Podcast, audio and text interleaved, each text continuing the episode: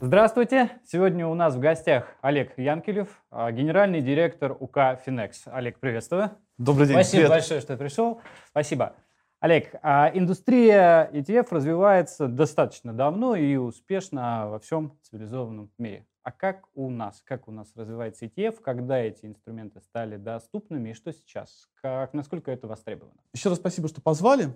Хотел, прежде чем начать отвечать на вопросы, а, мне очень приятно э, сказать о том, что мне приятно оказаться в Финаме, потому что история э, в проекта Finex ETF России в каком-то смысле начиналась а, вместе, вместе с Финамом. Руководство Финама было из тех, из тех немногих игроков, кто еще в далеком 2011-2012 году, еще до момента, как мы запустили ETF на российский рынок, подде- э, поддерживали эту идею и верили в то, что индексные инструменты будут востребованы и, э, уч- и профессиональными участниками рынка, и, и частными инвесторами. Так, мы угадали? И вы, и мы угадали. Действи- э, Действительно, за последние 7 лет, а именно э, 7 лет прошло с того момента, как в 2013 году мы сделали первый кросс-листинг наших ETF на, московской, на московскую биржу, тогда это был, это был первый в мире фонд э, на индекс российских корпоративных еврооблигаций, созданный ба- совме- э, Barclays, сейчас это индекс Barclays Bloomberg. Собственно, с этого инструмента началась история. Для этого инструмента Финам выступал э, одним из, из маркетмейкеров. То есть именно с этого э, началась история. Но э, 7 лет назад, когда мы пришли на рынок, знания инвесторов и профессиональных участников рынка относительно индексного инвестирования в целом, и те в частности, были очень-очень э, ограничены. За прошедшие э, годы все кардинально изменилось. Нам удалось изменить отношение публики к индексному инвестированию. Нам удалось показать инвесторам те преимущества, с которыми связаны э, вложения в индексные инструменты. Многие русские инвесторы следом за американскими, европейскими инвесторами осознали, что на самом деле, вкладывая в индексный инструмент, ос- двигаясь вместе с рынком, вы обыгрываете 80-90% тех людей, которые э, уверяют э, в том, что они обладают какими-то уникальными знаниями относительно того, куда будет двигаться рынок или ж какие именно компании покупать. Оказалось, что на самом деле история проще. То есть на самом деле быть средним и быть вместе с рынком не так плохо. Ведь вы будете лучше, чем 80-90% активных управляющих. То есть за достаточно короткий срок, 7, 7 лет получается, да, удалось и профессиональное сообщество переубедить в каком-то смысле и показать преимущество частному инвестору.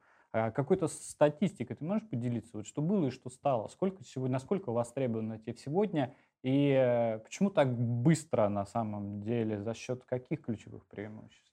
Ну, быстро или, или нет, э, может быть, со стороны это выглядит быстро, а со стороны выглядит бы- быстро, а внутри, когда вы находитесь в процессе, время э, немножко по-другому воспринимается. На самом деле, когда мы э, выводили первые инструменты на рынок, а, многие участники рынка делали ставки. Насколько, сколько месяцев мы пробудем на этом рынке? Два, три или четыре? Когда же нам надоест э, делать, э, делать эту историю, делать образование для инвесторов, рассказывать про принципы э, здорового инвестирования? Но на самом деле тот тренд, который мы видим на российском рынке, он в, по- он в полной мере повторяет те тенденции, которые э, наблюдались на американском рынке или европейском рынке просто с отставанием в 15-20 э, лет. То есть рынок развивается. Если мы возьмем и наложим темп роста активов в ETF-фондах в России на динамику э, аналогичных показателей в США и Европе, когда этот рынок зарождался именно там, то у нас с вами получится одна и та же картинка. С момента старта мы растем э, более 130% м, э, в год.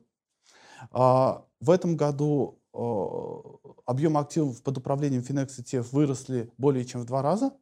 И по итогам 8 месяцев составили порядка 45 миллиардов рублей. Это в России. Но мы игрок, да-да-да, естественно. Но мы игрок, э, собственно, мы представляем этот рынок, и практически 45 миллиардов рублей это, это вложение Finex ETF. На рынке есть еще один небольшой игрок. Подожди-ка, это как раз мой следующий вопрос. Да. То есть есть еще кто-то, кроме вас? Потому да, что мы, мы, такая ситуация складывается, что говорю ETF, подразумеваю Finex. Говорю Finex, понимаю, что это про ETF. Почему так получилось? Вы одни? Что с конкуренцией вообще происходит? На самом деле а, история с индексом управлением требует а, требует времени. Требу, э, время требуется для того, чтобы познакомить инвесторов с, с преимуществами. Нужна скрупулезная, спокойная и скрупулезная работа. Зачастую у людей в голове история про ETF — это про то, что вы что-то создали, упаковали индекс в удобный инструмент коллективных инвестиций, листинговали его на бирже, сделали кросс-листинг на российскую биржу, и, и корабль поплыл. Да, на выглядит самом, именно так. Ну, выглядит, возможно, именно так, но на самом деле а, за этим а, стоит работа по поддержанию ликвидности, по обеспечению арбит, а, арбитражного механизма между первичным рынком, ну, тем рынком, где ETF создаются, и вторичным рынком, рынком где ETF обращаются. Обеспечение адекватности отображения любых корпоративных действий, которые происходят с фондом на счетах клиентов. Обучение э, инвесторов рассказ, э, образовательная работа как в части самих инструментов, так и принципов здорового инвестирования и портфельной аллокации. На самом деле, в этом смысле э, российский рынок фундаментально отличается от американского или европейского рынка. Основной аудиторией ETF-провайдеров, да, с точки зрения контента, с точки зрения обращения, mm-hmm. многие годы были не конечные инвесторы, а были финансовые консультанты. В США, как мы знаем, сотни тысяч э, квалифицированных э, инвестиционных советников, независимых инвестиционных советников. Они были аудиторией для ETF-провайдеров, и уже профессиональные советники помогали инвестору, во-первых, разобраться в продукте, во-вторых, сформировать подходящий конкретно этому клиенту инвестиционный портфель. В России ситуация э, в корне отличается, микроструктура рынка совсем иная. В России ETF-провайдер – не только делает историю для профессиональных участников, для брокеров там, или для других управляющих, которые могут использовать ETF в своей работе, но на самом деле ваша значительная часть работы связана с поддержкой и образованием конеч, э, конечных инвесторов. И вот без этой работы а, ничего, ничего не получится и, и, и не получилось бы. И, собственно, это демонстрирует пример э, второго ETF-провайдера, который есть на российском рынке. Это э, компания ITI, входящая в, в группу IT Invest. Коллеги э, запустили чуть позже нас два, у них тоже, они используют Люксембург в качестве юрисдикции для создания фондов. Они запустили два продукта, аналогичных нашим, но они оказались не востребованы рынком. Там есть вопросы, связанные с, с качеством этих продуктов, но я вас уверяю, проблема в том, что а, данный техпровайдер не приложил никаких усилий для того, чтобы принести а, образование на этот рынок. То есть одна из ключевых компетенций, а это все-таки образовательная компетенция, Конечно. и она помогла вам а, достичь, в общем, такого результата. Надо, совершенно верно. Надо, важ, важно помнить, что ETF, в отличие от, не знаю, инвестиционного страхования жизни или структурных продуктов, это продукты, которые люди приходят и покупают сами. То есть это продукты не, это не те продукты, которые продаются силами продавцов, мотивированных продавцов. Это продукты, которые покупает инвестор, который делает сознательный выбор в пользу индексного инвестирования и портфельной, и портфельной, аллока, э, портфельной аллокации. И в этом смысле значительная часть нашей работы не связана с продвижением э, Finex ETF. Скорее, наша работа построена на продвижение всей категории. Да? Это ровно так же, как помните, в начале 90-х годов никто в России не знал, что такое йогурт. Да? Если мы, э, все мы, наверное, помним, была первая рекламная кампания йогурта в Эрман. Э, и, собственно, перед ними стояла очень сложная задача. Им нужно было не просто познакомить людей с брендом Эрман, а им нужно было создать целую категорию. Люди просто не знали, что такое йогурт. Ровно та же самая история, с которой мы столкнулись, на самом деле, в 2013 году, когда мы вышли на рынок. Нам пришлось создавать целую, э, целую нишу с нуля. Поэтому история с э, с конкуренцией, она, она есть. Она есть просто другими инструментами, как коллективных инвестиций, которые есть на российском рынке, так и инстру, э, такими как ПИФы или какие-то структурированные продукты или инвестиционные облигации. То есть конкурен, конкуренция есть, причем она со стороны крупнейших институтов на этом рынке. Да? Кто бы мог подумать, что э, никому неизвестная еще в 2013 году компания Finex окажется э, способна расти быстрее, чем э, весь э, бизнес биржевых э, пифов нескольких крупнейших российских э, государственных банков. Хорошо. А внутри одного класса инструментов э, в йогуртах сейчас э, не протолкнуться. Будет ли расти конкуренция внутри, что мешает другим игрокам повторить ваш путь, это первое. И второе, ты начал говорить про биржевые э, пифы с их стороны. Будет ли какая-то конкуренция и вообще в чем разница? Потому что э, многие считают, что это, в общем-то, одно и то же. Российские управляющие любят использовать термин, глобальный бренд ETF для обозначения тех продуктов, которые появились в 2018 году. И ETF, и биржевые фонды относятся к одной широкой категории инвестиционных инструментов, называемый инструмент коллективных инвестиций. И с этим как бы не и, пос... и, и все? На, на самом деле на, на этом, на этом э, общие черты э, заканчиваются. Дело в следующем, что э, продукт под названием биржевой фонд получился довольно просто. Был взят за основу хорошо, более чем 20 с чем-то лет известный продукт, индексный, открытый паевой инвестиционный фонд, э, который сдобрили несколькими ингредиентами сделали биржевой листинг, но это и раньше можно было сделать с любым открытым э, пифом, и стали в отношении этого, э, этого инструмента рассчитывать индикативную стоимость паев в течение дня. Плюс нас, э, нас э, запретили возможность, закрыли возможность для индивидуальных клиентов приходить и подписываться и погашать на акции фонда непосредственно, непосредственно в, в управляющей компании. Да?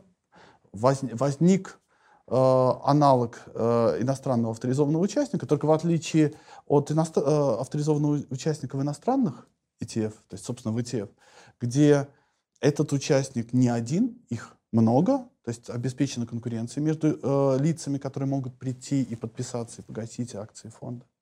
Во-вторых, эти участники чаще всего э, независимы э, от э, управляющей компании. В России же мы получили конструкцию, в которой фактически есть Э, э, есть управляющая компания, есть э, в разной степени формальной связанности авторизованного участника, который вот обеспечивает эту, процедуру. Но при этом ключевых проблем при создании этого инструмента устранить не удалось. Причем отдать должное, я должен признать, что на самом деле почему продукт не получился, ну, на мой взгляд, не получился, это связано, не, не, не, в этом нет стопроцентной вины российских управляющих компаний.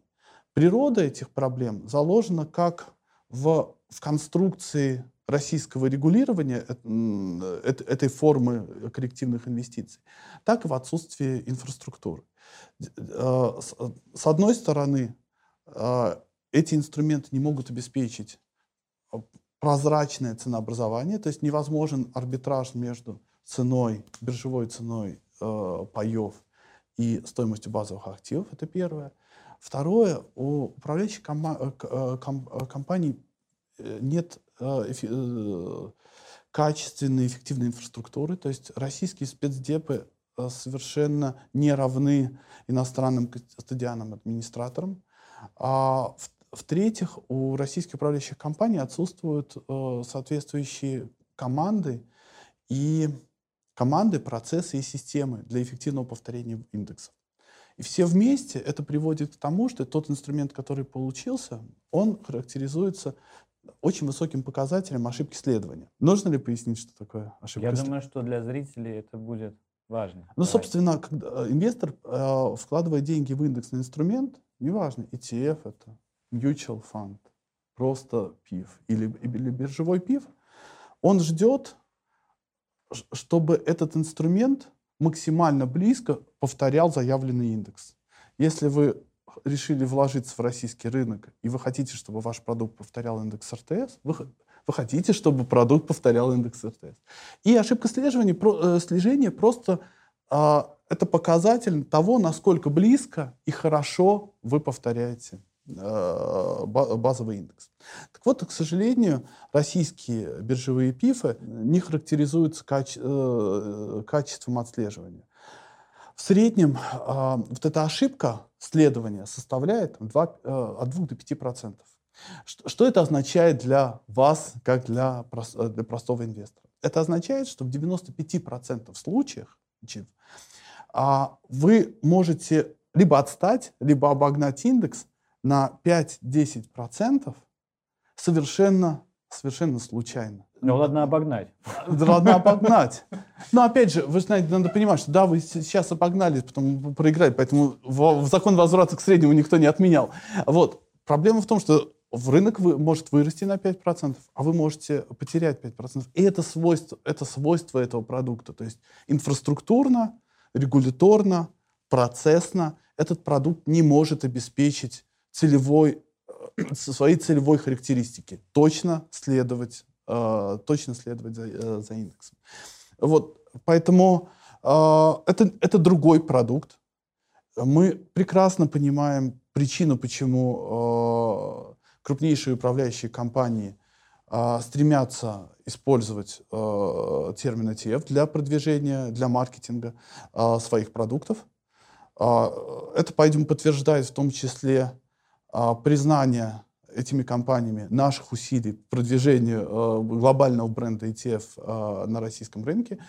И э, игроки просто хотят воспользоваться э, э, той узнаваемостью. Но по сути, э, как, э, использование этого термина применительно к биржевым пифам, это, это эквивалентно тому, как если бы мы э, называли э, каждый выпускаемый запорожец, да, их уже даже не выпускают, хорошо, э, Ладу мы бы называли Мерседесом только на том основании, что и, э, и Лада, и Мерседес являются автомобилями.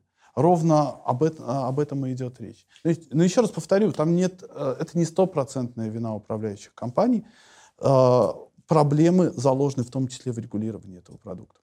Как будет развиваться, на взгляд, ситуация? Что дальше? Управляющие компании, российские управляющие компании – постепенно, а, рано или поздно научатся делать эту работу, обзаведутся системами, обзаведутся правильными командами, регулятор выполнит свою работу и доведет законодательство о российских фондах до того состояния, в котором оно не будет мешать, а, мешать развитию, развитию индустрии. Мы будем только рады тому, э, чтобы э, продукты коллективных инвестиций на российском рынке были качественными, чтобы качественными продуктами были не только Finex ETF, а все а продукты вообще на рынке. Потому что дело в следующем.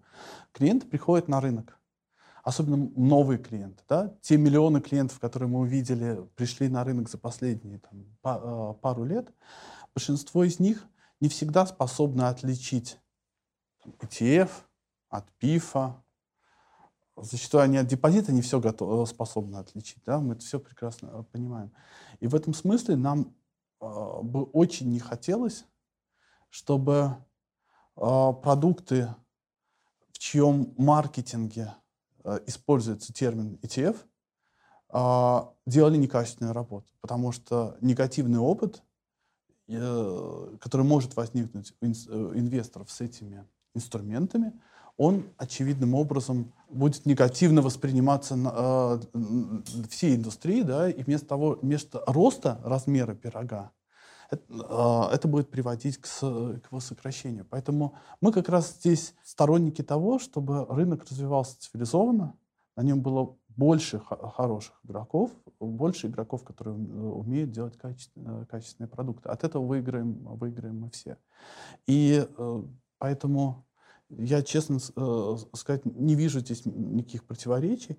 Мы, э, как, э, будучи крупнейшим игроком этого рынка, я уверен, что мы сможем сохранить эти позиции, потому что все-таки в индексной в индустрии индексного управления очень сильна история с гравитацией. То есть большой игрок в этом mm. сегменте, он собирает новые активы под управлением быстрее, чем э, игроки, пришедшие на, рын, на этот рынок, рынок позднее. И э, бренд в этом смысле, он играет огромное значение на начальном этапе, но мы смогли этот период э, пережить и завоевать репутацию качественного провайдера. И сейчас наша репутация и наш размер уже играют, выступают качестве источника дополнительного привлечения активов. Поэтому мы совершенно в этом смысле не боимся конкуренции. Мы, наоборот, были, а, будем рады любой, любой здоровой конкуренции, когда участники рынка доставляют качественные продукты, делают образование для инвесторов и а, помогают рынку расти быстрее. Еще про регуляторные вопросы. Летом Науфор попросил ЦБ оставить без изменений регламент, да, который исключает преимущества ETF перед отечественными как раз, биржевыми а, пифами, как оцениваете инициативу эту, и, а, на твой взгляд, тут профучастники а, о чем переживают, чего боятся? Ну, на самом деле, эта дискуссия возникла в ответ на дискуссию, э, которая время от времени возникает, о э, неспонсируемом листинге. То есть, э, то есть э, неспонсируемом листинге ETF на российский рынок. То есть листинги без участия, э, собственно, эмитента без, э, без ETF-провайдера.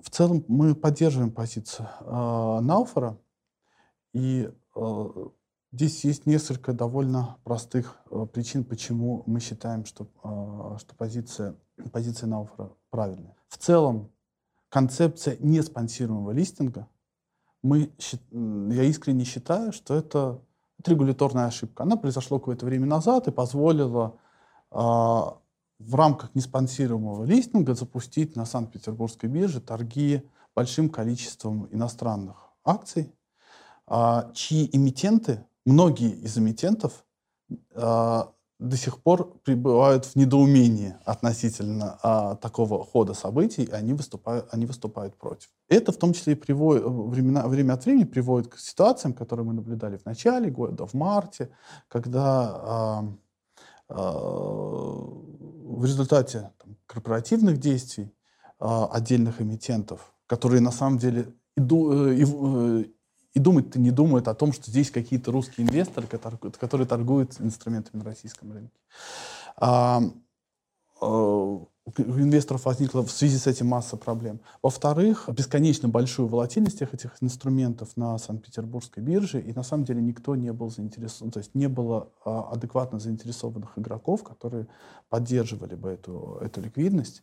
В результате у довольно большого количества частных инвесторов э, возник, возник негатив относительно иностранных инструментов. В целом была масса жалоб в ЦБ, поэтому э, в целом мы считаем, что концепция неспонсируемого листинга, неважно, применительно к ETF или к отдельным акциям, она там, не, совсем, не совсем правильна. Но это уже случилось, да, это случилось какое-то время назад. понятное дело, что регуляторная ошибка не может э решаться за счет инвесторов. Да? Инвесторы уже на, используют эти инструменты, поэтому им что-либо ну, то есть из, запрещать делать из того, что им разрешил регулятор делать там, э, какое-то количество лет назад, совершенно неправильно. А, что же касается ETF, есть, э, во-первых, процедура кросс-листинга, спонсируемого кросс-листинга на российскую биржу достаточно проста. Э, вы можете, если ETF-провайдер заинтересован в том, чтобы его продукты торговались на московской бирже, а, ему достаточно приложить минимум усилий, и через там, 2, 3, максимум 4 недели его инструменты будут, э, будут на российском рынке. Это, этот путь совершенно, совершенно несложный. Но кто-то что-то в очереди не выстраивает. Но а почему очередь не выстраивается? Там есть две, фундамент, ну, то есть э, две фундаментальные причины. Ну, точнее, я бы сказал, даже одна, о которой мы там сказали э, пять минут назад. О том, что микроструктура российского рынка в корне отличается от международного крупные ETF-провайдеры, они все-таки привыкли приходить на рынок, где развит институт финансовых советников, э, где им не придется нести на себе все ну, вот эти это издержки, да, да, да, вот это, про вот которые ты рассказал. образование, Да, да, да. маркетинг.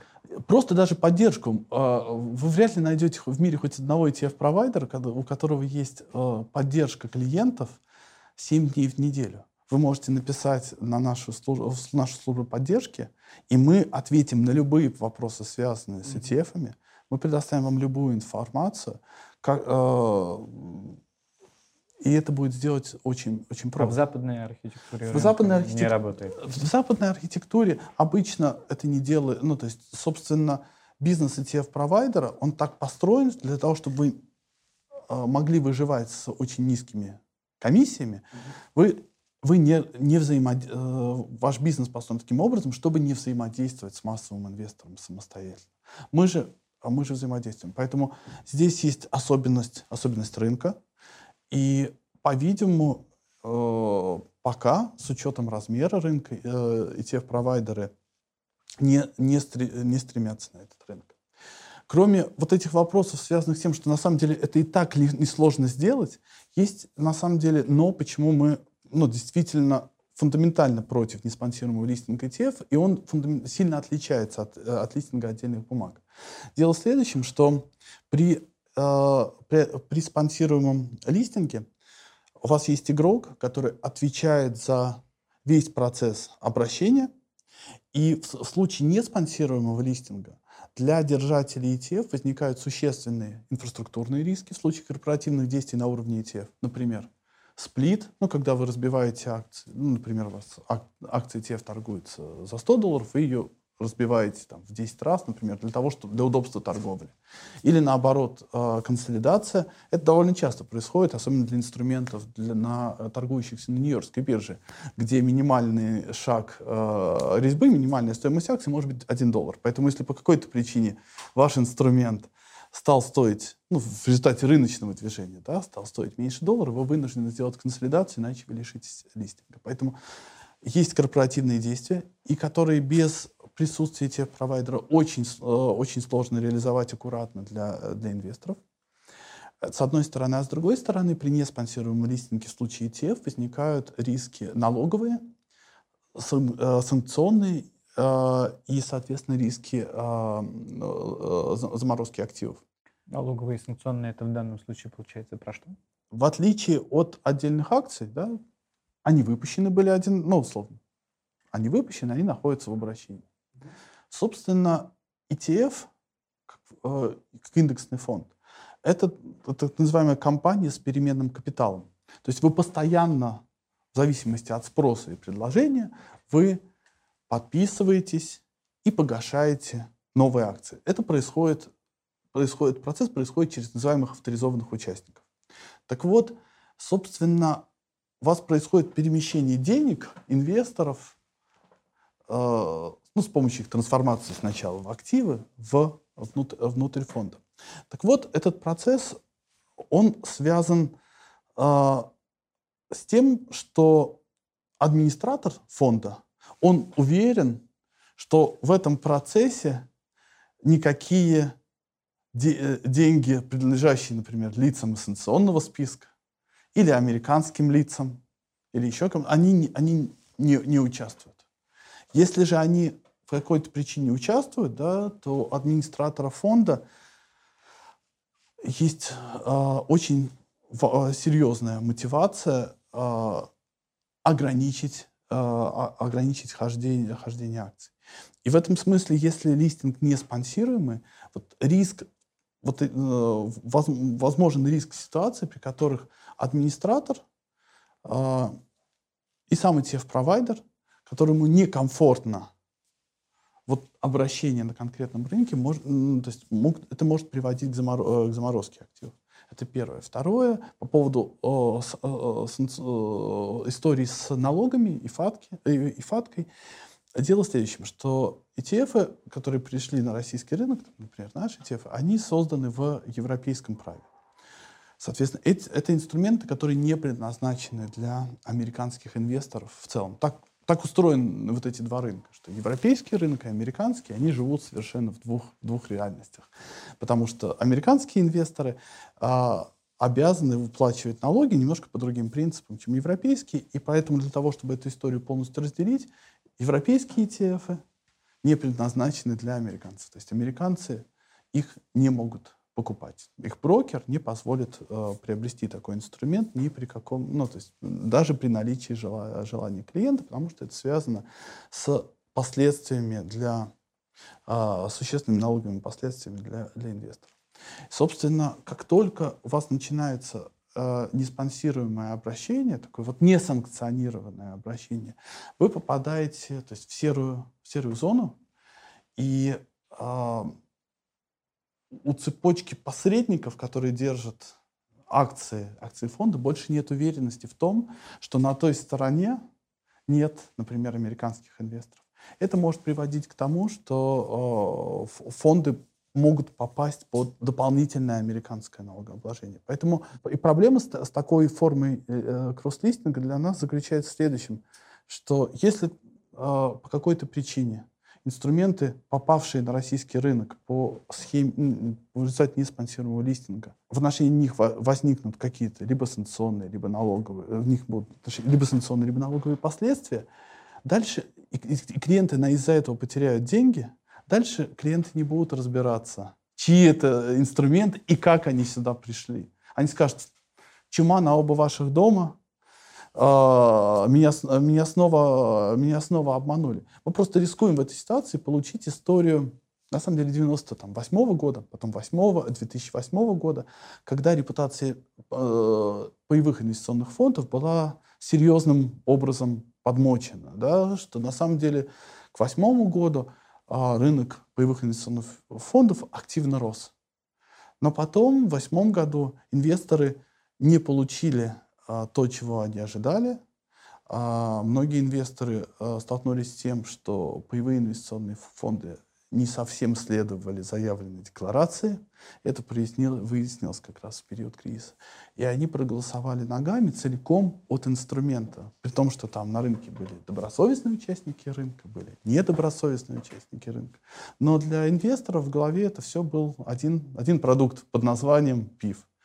И с тех пор как когда-то точно на какой-то конференции сказал генеральный директор э, АТОН Андрей Звездочкин. Он сказал, что мы стремимся избежать использования термина ПИВ в коммуникации с клиентом, потому что у клиентов есть негативное, э, негативное восприятие этого термина.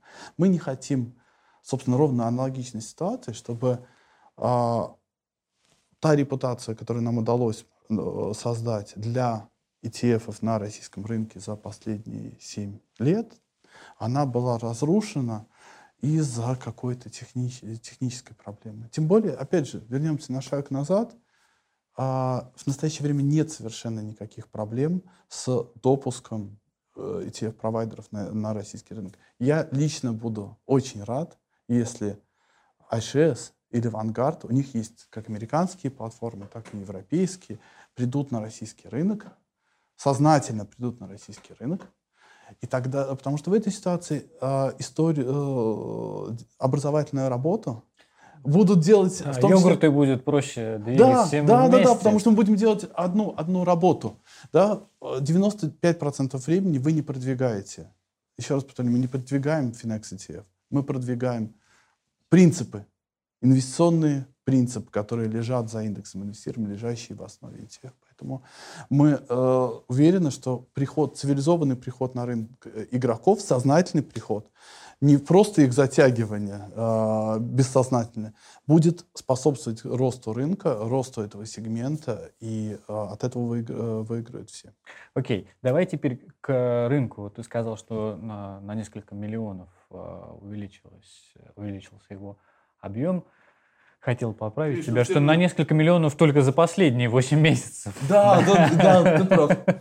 Так вот, в связи с тем, что э, количество частных инвесторов растет такими высокими темпами, как на это реагируют, как вот в этом себя чувствует ETF? А сколько сегодня людей отдают предпочтение этому инструменту? Да, очевидно, мы одни из бенефициаров э, прихода на рынок э, масс, э, массового инвестора.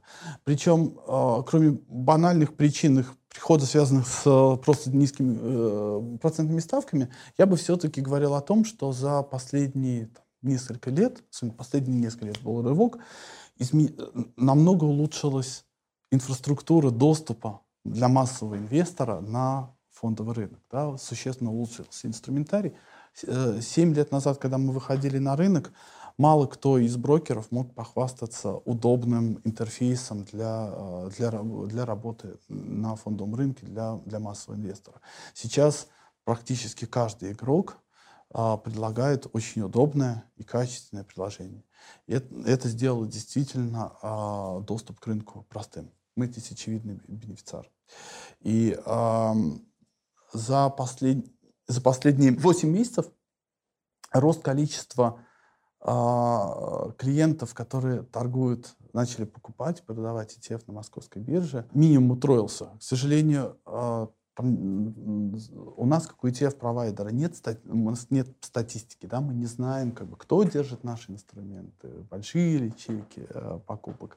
А, но та статистика, которая раскрывает московская биржа, например, за весь 2019 год а, 100, ETF-ами торговало 130 тысяч клиентов.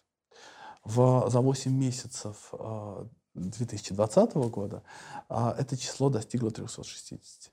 То есть за, за 8 месяцев 360 а, тысяч клиентов совершало уникальных клиентов совершало сделки с ETF. -ами. Поэтому мы видим минимум трехкратный рост, а скорее всего по итогам года мы увидим больше. Так, на скидку это процентов 5, наверное, от да. общего объема а, рынка частных инвесторов. Я думаю, что 5% от объема а, всех счетов, да, да? да, да. и, наверное, э, процентов 15 от, от, от числа активных, э, активных счетов. То есть... Вот эта цифра, это достаточно? Э, какой прогноз дальше у тебя? Здесь... Может быть, если смотреть на практику мировую, как это будет меняться и какие условия нужны? Я думаю, что мы увидим минимум кратный рост доли ETF, мы это видим даже на примере индивидуальных инвестиционных счетов. То есть, э, если вы посмотрите на брокерские индивидуальные инвестиционные счета, то там активность, э, то там э, интерес к ETF существенно, существенно больше. То есть там, где люди принимают решения сознательно и самостоятельно, предпочтение ETF над другими продуктами проявляется более, более яв, явно. Поэтому я думаю, что мы в ближайшие годы увидим Э, как минимум а, увеличение в 4, э, доли, с точки зрения доли индексных инструментов, как минимум в 4-5 раз. Вот. А в долгосрочном периоде я, э, я уверен, что индексное инвестирование в целом достигнет как минимум 70-80% всех, всех новых объемов активов, которые будут появляться на рынке. Мы это видим, в принципе, не только, не только в России. Посмотрите на, например, состав э, своих американских пенсионных счетов 401k, такая известная история.